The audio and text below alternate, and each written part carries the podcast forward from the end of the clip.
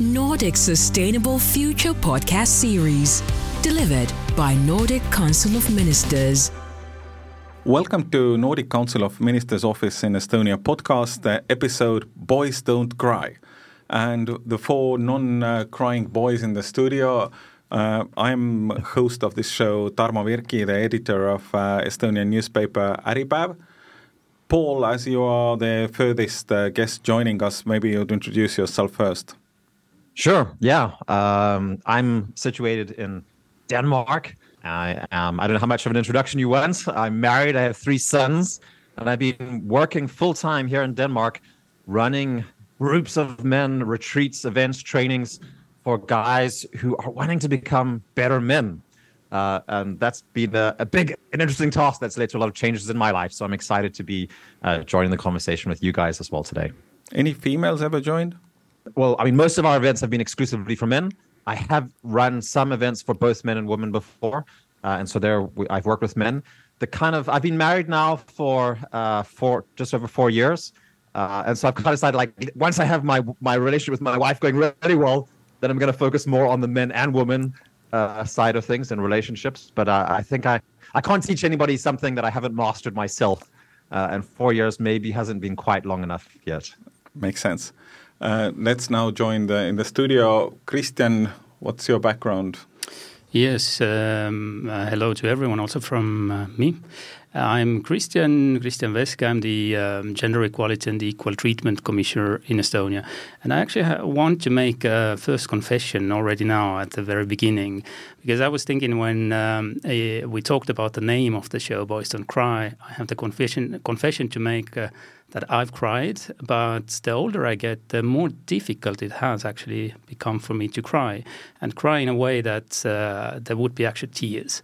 So I, I, hope we will come back to this uh, crying topic uh, later on as well. So what what keeps us from actually crying? So um, in my daily job as a, as a commissioner for equality, I deal with uh, other people's uh, problems when they feel discriminated. And we have um, actually also um, quite often men turning to us as well, where they have felt that they've been unfairly um, treated, yeah, either in labor markets or or uh, in some other uh, situations. And uh, Jevgeni. Yes, hello to everybody. I'm Jevgeni, working in the Nordic Council of Ministers office in Estonia. And uh, when I was thinking about the topic and about all our guests, so um, from from where or started this idea that um, to my mind came one phrase and kind of a perception that uh, I was when I was 35, I was still 35. But then I got uh, 36, so I got already 36, and something changed. And so uh, personally, um, um, I can't say that I'm. I, I don't uh, do any kind of uh, man work professionally, but I started to see different kind of changes in my personal life and my family life, and that's why there was an interest uh, to learn more. And when I started to learn this topic, I found it out that uh, there are so many different issues with men. Uh, work uh, in Estonia, in Nordics and Baltics. so that's why I decided to initiate this kind of a podcast. Uh, as an initiator, I think the first question would be to, you know, appropriately to you, what's the problem we're dealing here with? What's wrong? Um, you know, when I started uh, to um, uh, to learn and to read more about uh, man's mental health, um, a, a, lot of different articles, surveys. Um, I attended myself different men retreats and uh, worked with a psychotherapist as well.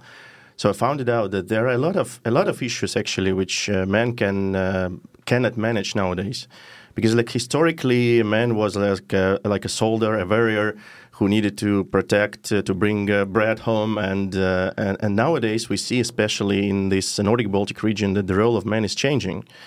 Nowadays, we already have this paternity leave that fathers can be with their kids uh, from the childhood and uh, I also can do some kind of homework. Uh, I can help my wife. I can help my kids and spend more time with kids.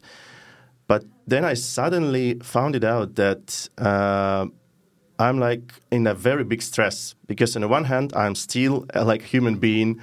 I'm uh, I have a lot of kind of a masculinity, but on another hand, um, some new kind of feelings and, and characters that uh, that are not very common for me, and so I felt uh, I started to feel a lot of stress about that, and so I worked with my psychotherapist and, uh, and now like uh, trying to research more about the topic. So uh, when I uh, reached out to different kind of surveys, I found it out that oh, actually we have a lot of troubles with that. So that women can speak uh, with their friends and uh, and uh, they are they can manage themselves quite easy. But as for men, we are not talking about our emotions almost at all. And statistics, not only in Estonia but in Nordics, also show that. Paul, is it typical story for the men joining your retreat also? I'd say that there's two stories. Uh, I think we have the macho man who's scared of showing his feelings, mm-hmm. and then we also have the nice guy who's kind of like trying to please everybody but lost contact with his core. And common for both of them is a is a deep sense of insecurity and even confusion about who he is. Uh, and and so I, I, think both of these are, are very much the case, um, but kind of coming from both sides. And I think increasingly men are noticing that these strategies that they've been using um, are are not working, and so they're looking for something deeper. Yeah. Mm. Christian, when you're looking from the Estonian perspective, is it a typical story you are hearing also? Well, I would actually maybe start a little bit with uh, putting it into um, a wider context and um, and and Jevgeni, um, really really good that you brought uh, brought this uh, topic up because if we look um, uh, of the realities of uh, men uh, compared to um, compared between uh, Baltic states and uh, Scandinavia, there is a huge difference still. And uh, I mean, if we look at the um, life expectancy at birth and uh, the gender gap in between women and men there, we see that uh, in in Estonia the gender gap in the life expectancy is 8.7 years which is a which is a huge number compared to uh, EU average, which is six years in Sweden. It's four years in in Finland. It's also six years. So uh, if we look at it from a different angle, we can see that uh, by now the Estonian men are there where Estonian women were in 1993. So that's a that's a what 30 years gap uh, basically um, in between, and um, uh, generally. Um, men don't uh, do very well in, in the Baltic states as well. So uh, it's the same story also in, in Latvia and Lithuania. So there is something that um, in in the uh, sort of ways that men live also or what the society expects from them that is uh, fundamentally uh, problematic. And I think one of the things um, um, from the sort of personal experience that um, I would like to maybe bring on the table as well is that we are not really taught uh, how to invest time into relationships, how to invest time into friendships, uh, how to care for friendships. Um, it's more that uh, as a as a man you somehow led towards um, the idea is that you should invest your time into more to work, more to um, whatever achievements you want to uh, get in life.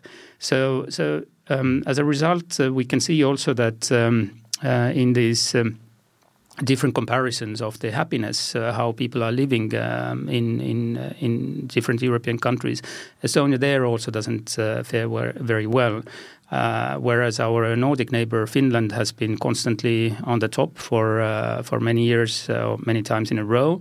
Um, Estonian men or Estonian people in general uh, don't feel very happy, and um, but the only sort of um, uh, positive. Um, thing in there in the happiness index is that when men have um, families or they are in relationships, when they have kids, that uh, increases their uh, sense of uh, being happy.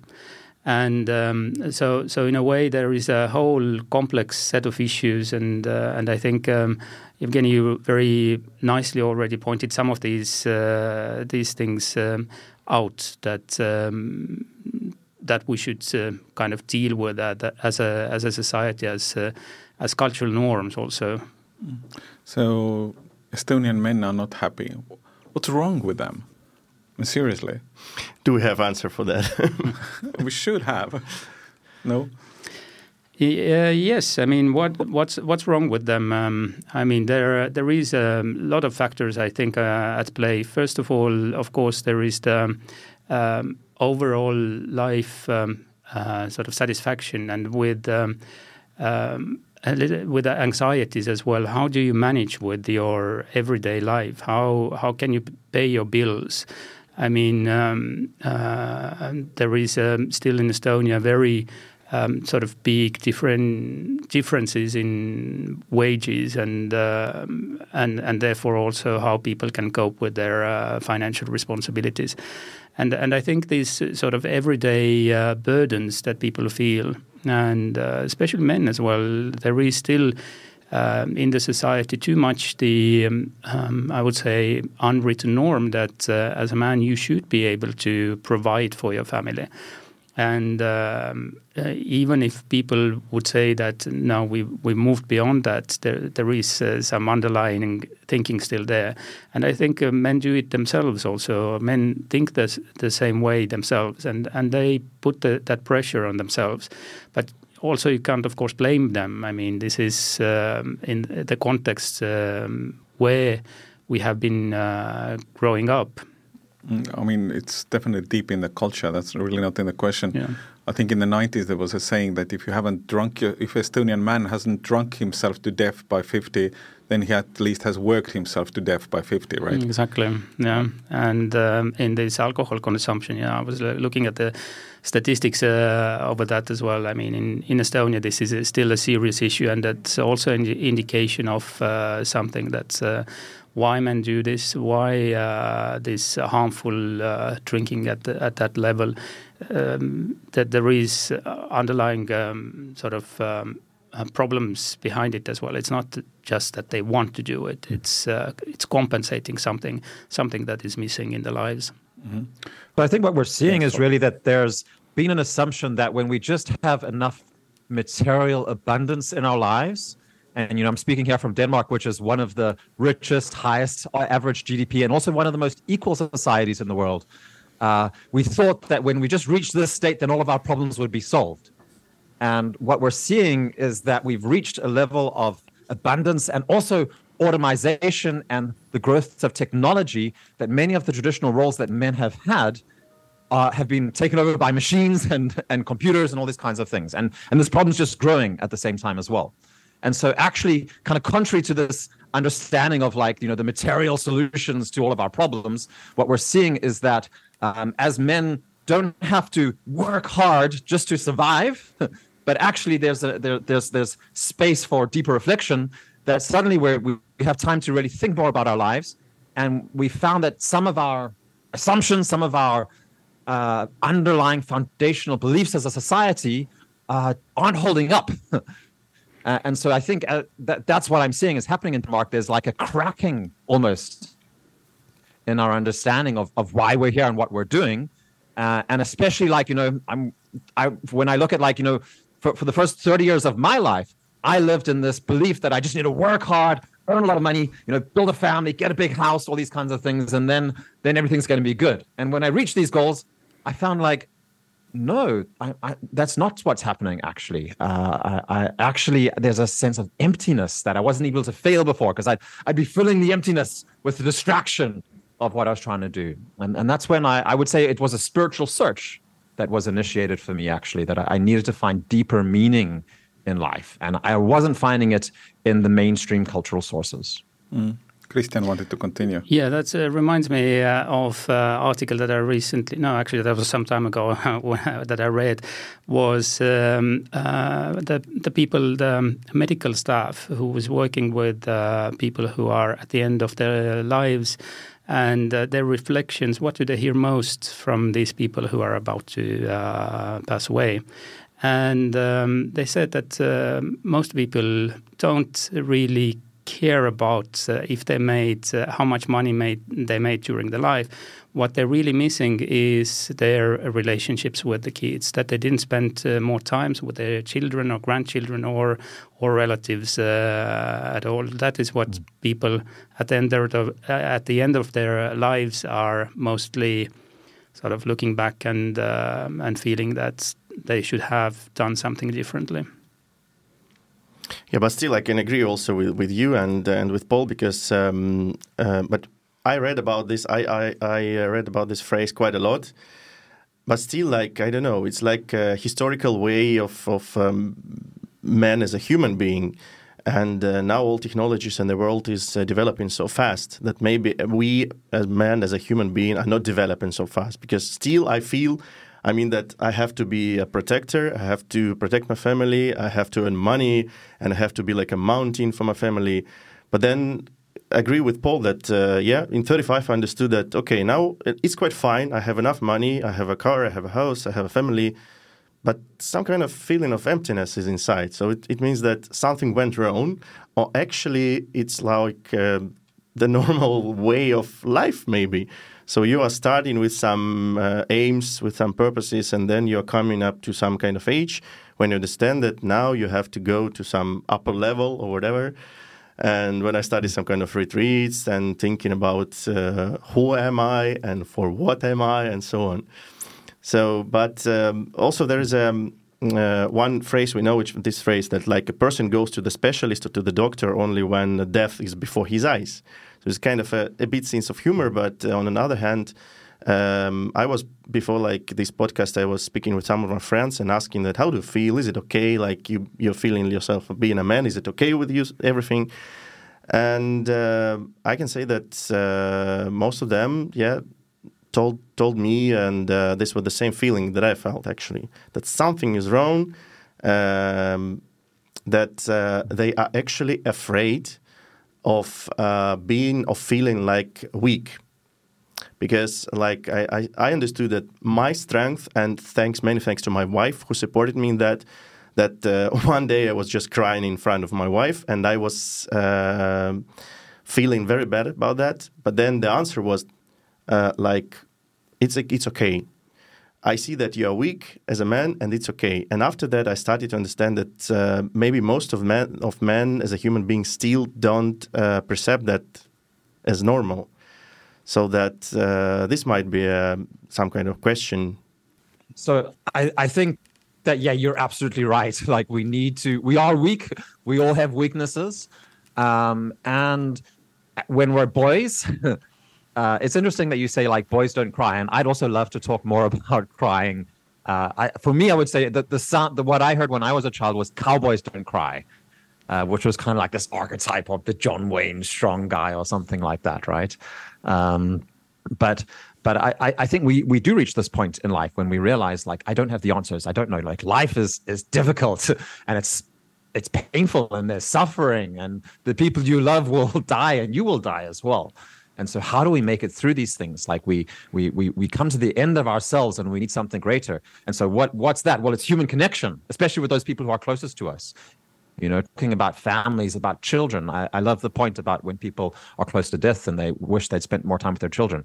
Unfortunately we're seeing in denmark never before have so few people been forming families and having children. Actually we have a crisis of of uh, of, fertility in the west uh, and it's getting worse it seems like as well. So so people are so caught up more and more and more by needing to be out there and performing and competing and producing uh, and and doing jobs which are more and more foreign to themselves as well, uh, and and not connected to themselves. And so the, the the there's a need for having these conversations more. And I really appreciate that we're having this opportunity uh, for for you guys to have this about what is it that's really meaningful in life, uh, and doing it in the context of like as just talking about men, because you know there's so many similarities between men and women. But what I've found is that, and this is you know when, when I when I started doing this thing with men, it was really just a pragmatic uh, thing that I noticed that when we're just men in a room together, that there was a kind of a grounded uh, openness that we could be more direct, more honest, more open with each other. I'm not sure exactly what, what why it is, but I, I think I, most of us have noticed that we're in a room full of guys and then one woman comes into the room. It changes the atmosphere just a little bit.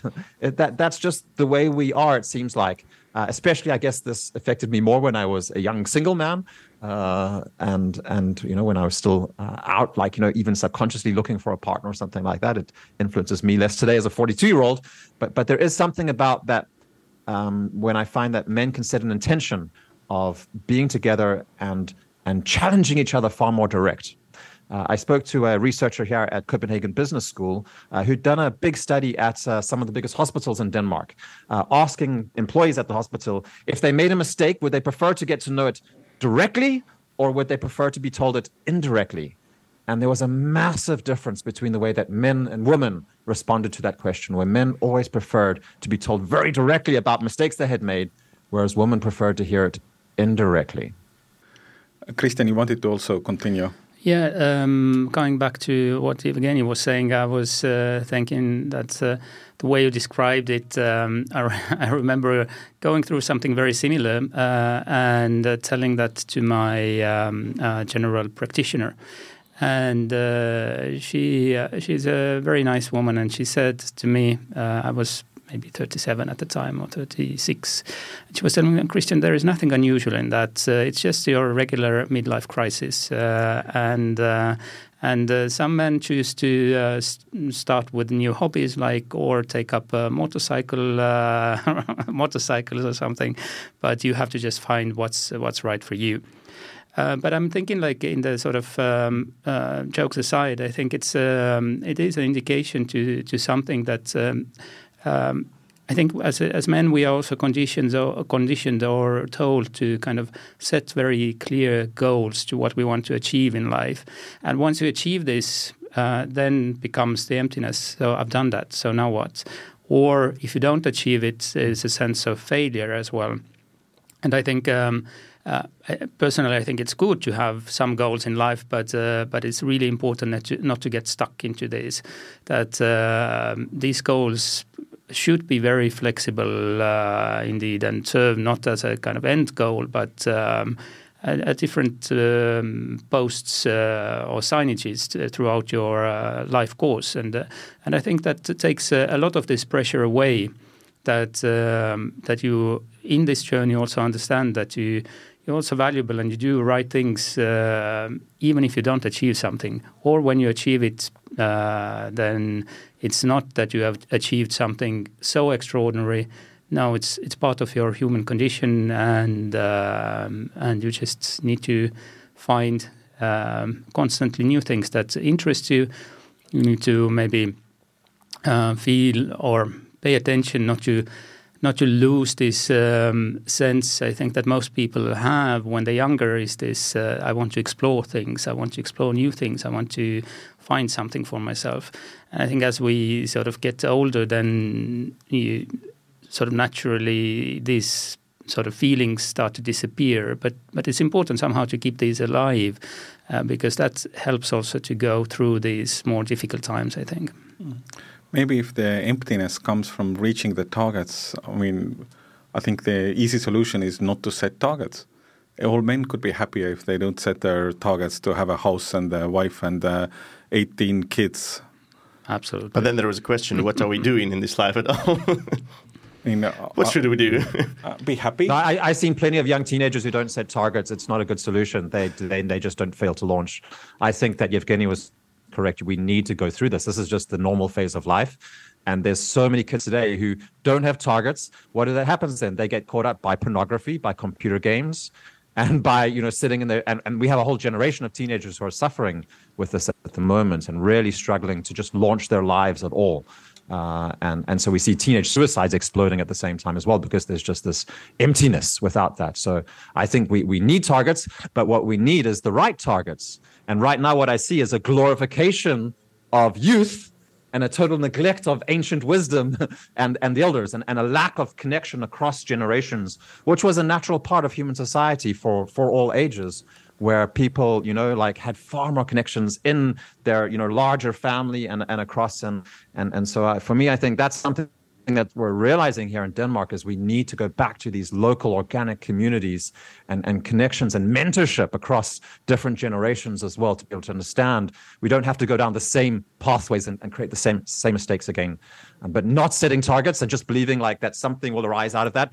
I think we're seeing so much evidence now that you know the most intelligent, skilled mathematicians and programmers in the world they're sitting there trying to figure out how to exploit weaknesses in your psychology to hook you onto platforms that are designed to distract you and turn you into a consumer. And and so this is not something that's that's producing. We need to be able to train young men to be able to reach out of that and find something that's really exciting and interesting and engage that you know warrior spirit or whatever it is uh, to be able to reach for something even if they're going to find it okay that wasn't it and you know i need to find something else afterwards that's my take at least my experience makes a lot of sense I just wanted to comment, uh, Paul, what you said because um, uh, I myself, when I had this experience of uh, visiting this kind of only retreats for only for men, so it actually absolutely different feeling, as you told about that uh, some retreats with women and and only with men.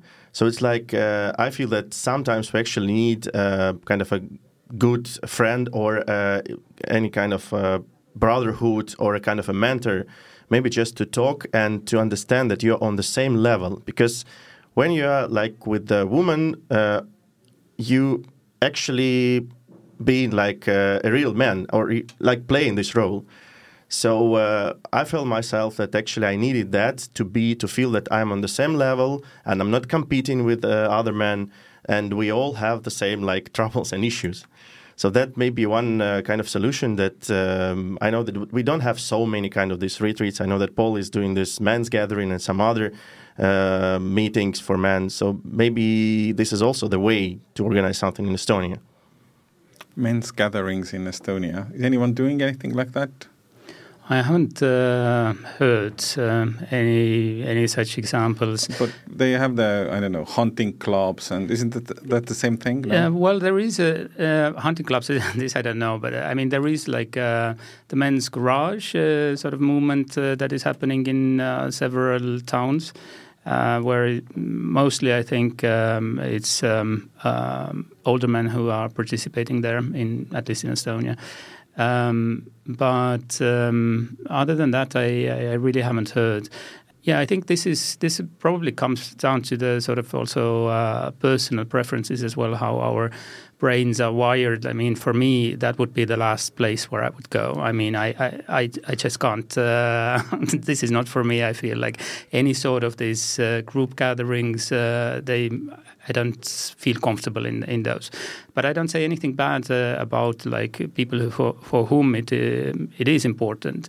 For me, just uh, different things work, and it's more like one to one conversations that I can I can have in um, in certain uh, settings. Be it, for example, what is important part of our culture, sauna. Like I, I love this uh, going to sauna and, and really talk uh, there um, with um, be it, uh, with a friend, and uh, and this I find much more helpful. But it's not only only that, and I also think that um, um some of the sort of best friends that I have that um, have helped me through uh, during difficult sort of psychological uh, times have been women. Mm, so, so yes, I think it's uh, it really uh, comes down to what, what works for for what type of a person. We have talked a lot, kind of very deeply about the I don't know personal things. We have talked a little bit, scratched the surface of uh, I don't know men's men's role in today's societies. Uh, Christian uh, shared some details about the picture in Estonia. Uh, Paul, how's the how's the Nordics? I mean, you were talking about how Nordics are, and Denmark in particular, are the kind of the uh, on the equality, for example, one of the world leaders. Uh, I mean, equality of men and women, it's probably something relatively weird for many men of this world, right? Yeah, um, I think one thing that I'm seeing more and more people coming to understand here in Denmark is in the focus on equality. We, we all agree that, that women and men are equal in value in every single way, but equality doesn't necessarily mean sameness. So there's this distinction between equality of opportunity and equality of outcome. So everybody believes that equality of opportunity is an incredibly positive and good thing for any society, uh, and and so men and women shouldn't be discriminated against in their opportunities for doing whatever they want to do. They should have free choice to live the life they want, to follow the opportunities they want, to live the career that they want. But at the same time, um, to expect equality of outcome means that we have a foundational belief that men and women are uh, by nature different from each other and it, we've noticed in Scandinavian countries that the more that so we have more uh, freedom of opportunity and equality of opportunity here in Scandinavia, then we notice that actually the outcomes are even more different than countries that have less freedom of opportunity. Um, and and so this is kind of underlining and showing that there are differences amongst you know b- between men and women, uh, and that giving them you know trying to achieve equality of outcome is going to lead actually to more force having to being used, or at least very, very large amounts of resources that actually don't lead people to happiness. Uh, so in Denmark, we have incredibly high levels of gender differentiation in careers like engineers and nurses, for example, much higher than you'd find in a country like India or Iran, for example. Um, and and part of this is is because we have the freedom to choose one area. So my wife uh, made the decision after we got married that she actually would like to stop working and to be at home with our children. Uh, and she made this up this because we are lucky enough that we it means we have to prioritize. We don't always have all of the abundance that we need, and we had, had to cut many things out of our budget. The whole society here is built on a two family, two person income, uh, not just a, a one person income. But we we've been able to do that, and talking about like you know coming to the end of your life and realizing how much you know it means that both of us are really able to uh, invest a lot more energy into our family. Um, and and she I, I, think the happiness and joy that she gets from being able to really follow our children closely is incredibly good for her. But she's even here in denmark she's faced a lot of um, questioning skepticism from people who kind of think well maybe she's being oppressed because she wants to spend time with her children. But I think more and more people are realizing as we're seeing children, you know, no matter what you do, in, the average age in Denmark here is 10 months for children to be put into full-time state childcare. Uh, that's actually falling now since uh, paternity leave has been earmarked for men only. Uh, so you, the, the family loses part of the, the parental leave uh, if the father is unable to take it because of his work or some reason like that. So even now, children are even earlier putting in full time state care. And it means that um, that that you know a, a, state employee no matter how many how many they are and how much they put their heart and their effort and how good guidelines they have they're never going to love the child the same way that a parent will. A parent can give it their attention and be present with the child in a way that that a state employee can never do.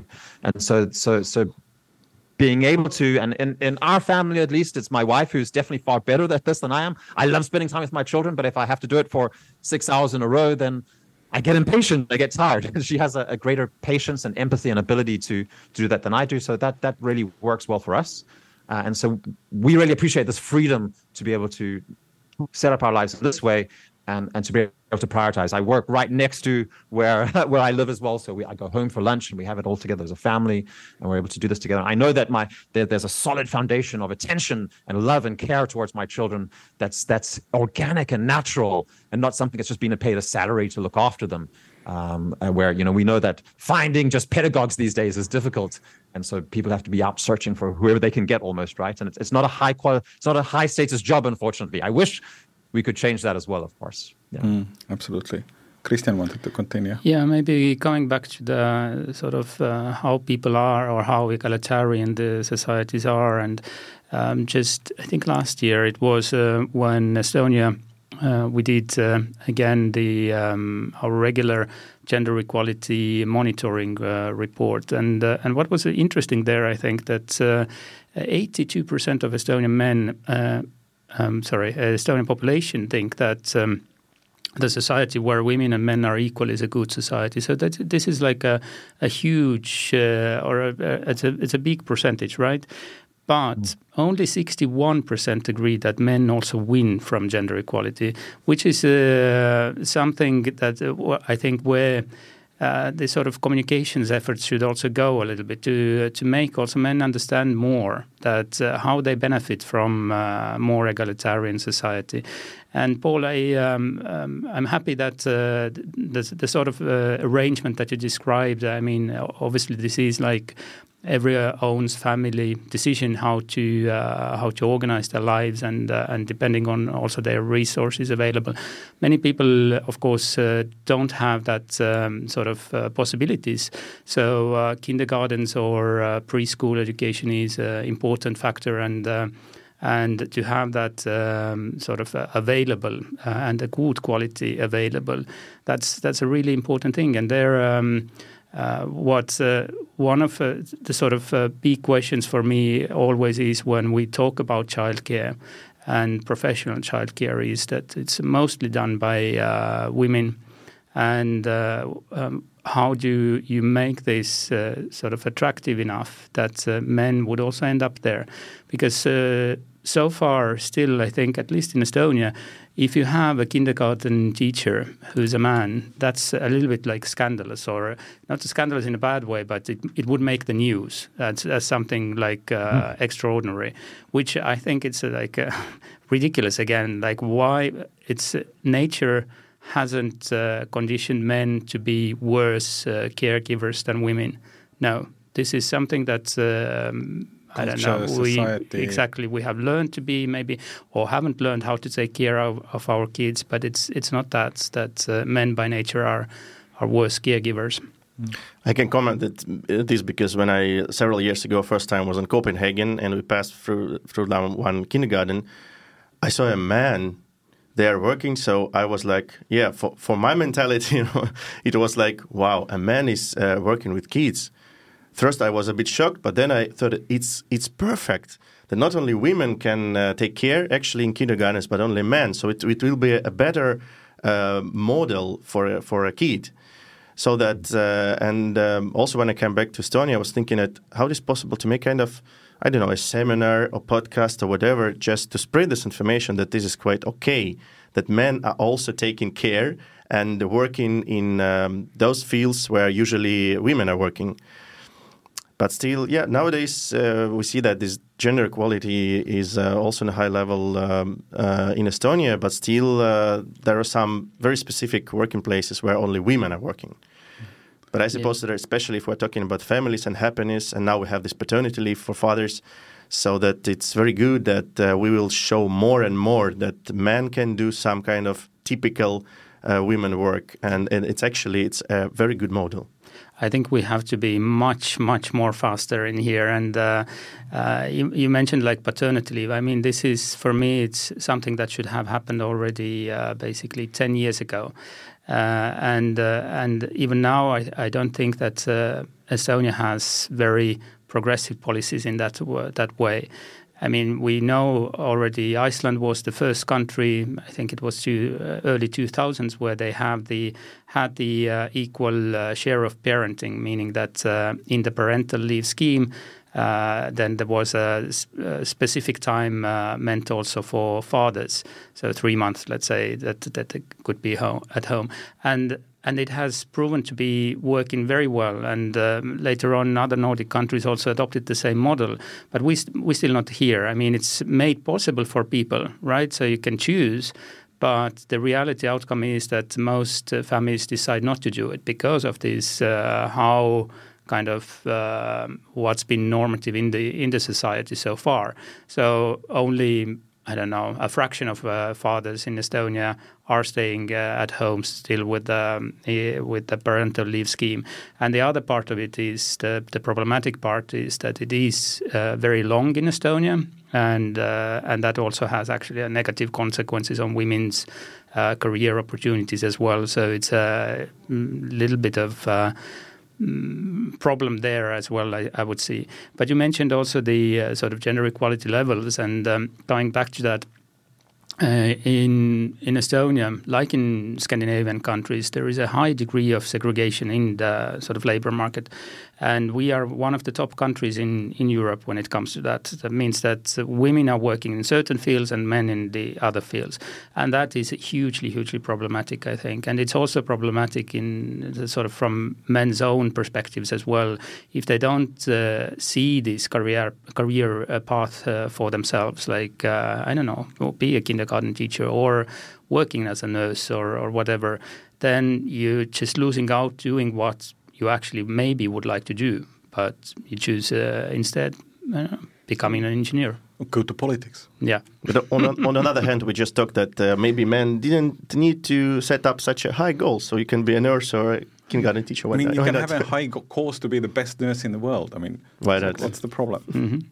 the headline of this uh, discussion, men, boys don't cry. All of you wanted to more talk about crying uh, earlier. Where should we start? I can start. Uh, yeah. So if I actually have to think about it, uh, when was the last time when I properly cried? Uh, I think that was uh, probably 20 years ago. And, uh, and I don't know why. Why is it so that uh, the older I get, the less I feel inclined to cry? Yes, things hurt me, but uh, that doesn't necessarily mean that um, I will I will start crying. Sometimes it happens, and um, I think last year, uh, uh, of course, when, when my father passed away, then that was a difficult time, and uh, and I cried, and uh, and there have been uh, other moments in in the life, but I feel like also it's kind of um, normally you. Um, expect it still to uh, to find solutions to the problems. Crying somehow, for most people, seems to be a uh, moment where they sort of either confess to themselves or their body tells to them that I can't cope anymore. And uh, this is a moment that you don't want to feel, that you're not in a, in a control. Uh, but I think, of course, it's important to to let that feeling uh, to be as well, or to, to let these emotions out. But the, the question is uh, how to do it. So, so maybe instead of um, I don't know going to men's retreats uh, as such, I would uh, personally choose a crying coach if there exists uh, people like this. a crying coach. I mean, it sounds more like something out of your alley. Well, I mean, crying is exactly what happens often at these men's retreats um, not because men go there to do that. Um, Sorry. But, uh, from, so I, I, think the, the explanation of crying, you know, it's, it's a, mm. it's a weird thing, crying. Like, why is it that suddenly water starts coming out of our eyes and we have this kind of, you know, blood comes up to our face and, you know, but but I I, I think it is like it's a, some kind of thing we don't. I don't think science can completely understand uh, explain it for us, but it is a, a realization and and admitting to myself, or it's maybe my body showing me that I'm not in control anymore and I think as men, a lot of the time we push down this feeling and we learn to ignore it and we learn to put on a brave face. And this become we become better and better at this. And and so we lose the ability to do that. And so for me, it's something that just naturally happens when a lot of the time guys sit in a circle and they very often come with this attitude like, oh, this isn't for me. I'm not supposed to be here. These guys, like, they kind of look down a little bit on what's happening and they don't think it's for them. Um, and, and, and I, I came just for the beers. Yeah, yeah, exactly. Like the first time I did this kind of gathering, one of my friends he said to me, "Paul, you're gonna have 140 guys somewhere out in the forest. There's no beer and there's no woman. Like, what are you gonna do? This is gonna be boring." Um, and and that I, I this guy came anyway, and um, and and had an incredible transformational experience in many ways. Um, and and so I, I and I think a lot of it comes from what we do is we get guys to sit in a circle and then we get them to we, we, we kind of create a couple of rules for how things should be and and, and what, what we're trying to do here um, and then we just get them to tell their stories. And what men realize is that we're all all the hidden most scary things that i'm the most have the most anxiety about that i feel out of control about that i've been pressing down for all of these years all these other guys are, are dealing with the exact same stuff and we're just not admitting it to each other. We're trying to be we're trying to put on a strong face and not showing it and so and, and so what happens is we is we we show ourselves a little bit to each other. We open up our hearts a little bit to each other and we realize how much pain and suffering there is that's going on there that i'm that i'm trying to um, contain somehow. And when we let that out then the reaction is often not everybody cries obviously but but a lot of people do. Uh, and and and so and then we start building relationships in our lives and we can take that experience and dare to meet other people in our lives with a little bit more of an open heart. And that leads to often the effect that we cry a little bit more and we feel the pain of life a little bit more uh, because life is painful.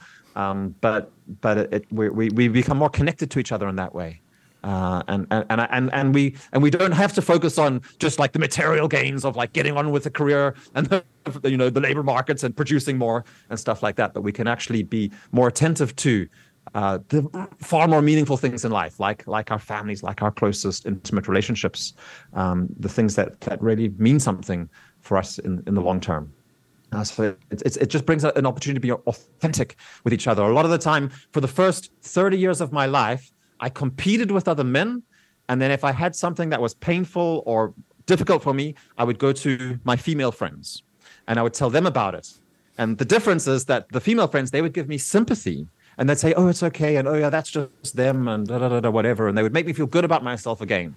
My male friends, they would challenge me. They would tell me why it is that I'm hitting my head and what I'm doing wrong. And they'd challenge me to fix it as well. And so, so what I realized is I'd been actually avoiding a real opportunity for growth and becoming a more authentic human being who understands reality better by avoiding having close male relationships where I was also dare to be vulnerable and open up my heart and talk about the things that I was fighting with. And so that, that leads me to so I don't I don't cry every day, but I, I definitely cry every month. Uh, and and it's a, it's a, it's actually more and more a beautiful thing when I experience it. When I experience that I'm not in control. I can't handle the problems of the world. It's terrible what's happening so many places, and I, I have to stop my. I can't even listen to stuff about like Hamas and Gaza and Israel anymore because it's just too painful. It it hurts too much to hear about that stuff. So I'm you know I need to move out of the city. I'm living out of the countryside now because I just find like what I realize is like living in this big city. I'm just surrounded by chaos and confusion and pain. And, and I had to put on filters to not take it in anymore uh, when I was living in that city. So now I feel like, okay, now I can live with a bit more of an open heart because I'm, we, me and my wife, we bought a farm out in the countryside and we have some sheep and it's a little town of 300 people. So it's a little bit easier to, to decide what we let in because there's just, we're, we're living in a time of like, there's a kind of a wave of chaos coming over us uh, and, it, and it's difficult to handle. I think that, that that's my experience. Mm. I'm not strong enough to handle it all. I can't be there in the middle of it all. I mean, but you're a man. Come on. yeah, well, I, I, think man is also about knowing your limitations. Mm. True, very true. Uh, one of the big topics, or the kind of headline topic of this discussion, was mental health. And uh, one of the closing questions I had written down what would be the advice to the listeners who, uh, I don't know, recognize themselves in our discussions or think that, hey, maybe it's time to actually turn to somewhere to look for help? Mm-hmm. I think uh, there are very many good sources or resources already available as well, and, uh, and definitely in Estonia, if if the listeners are, are from here, uh, there is the um, uh, the peaasi.ee community that uh, that gives very sort of good um, or is a good first stop to uh, to find out more about uh, mental health issues, and uh, and indeed what came out from the um, health beha- behavior uh, research uh, as well that uh, Estonia did that very few men actually end up going or looking for uh, professional help um, uh, when they they have mental health problems that already are influencing their or affecting their everyday um, sort of uh, activities.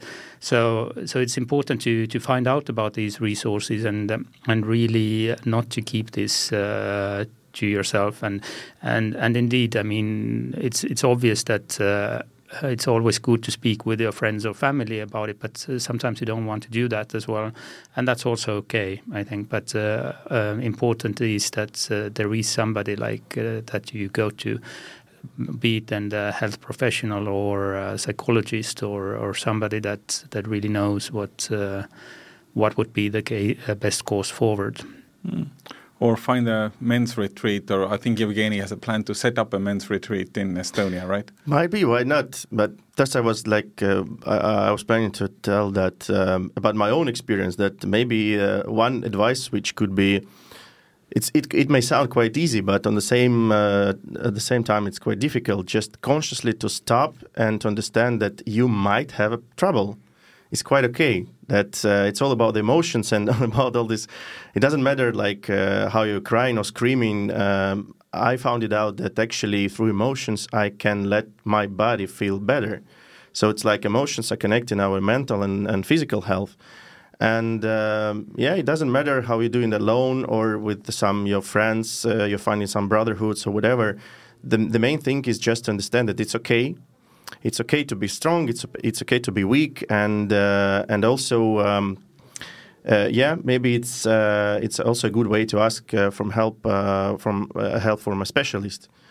And um, but I personally tried myself different kind of techniques. I was just crying alone or just writing down my thoughts because when I understand that I have a lot of like aims, purposes, uh, I don't know, some things that I have to do. I just wrote down them, and actually, it's quite a simple technique, but it helped me uh, just to be more free. And then I read my text and understand, oh, it's just nothing to do with that.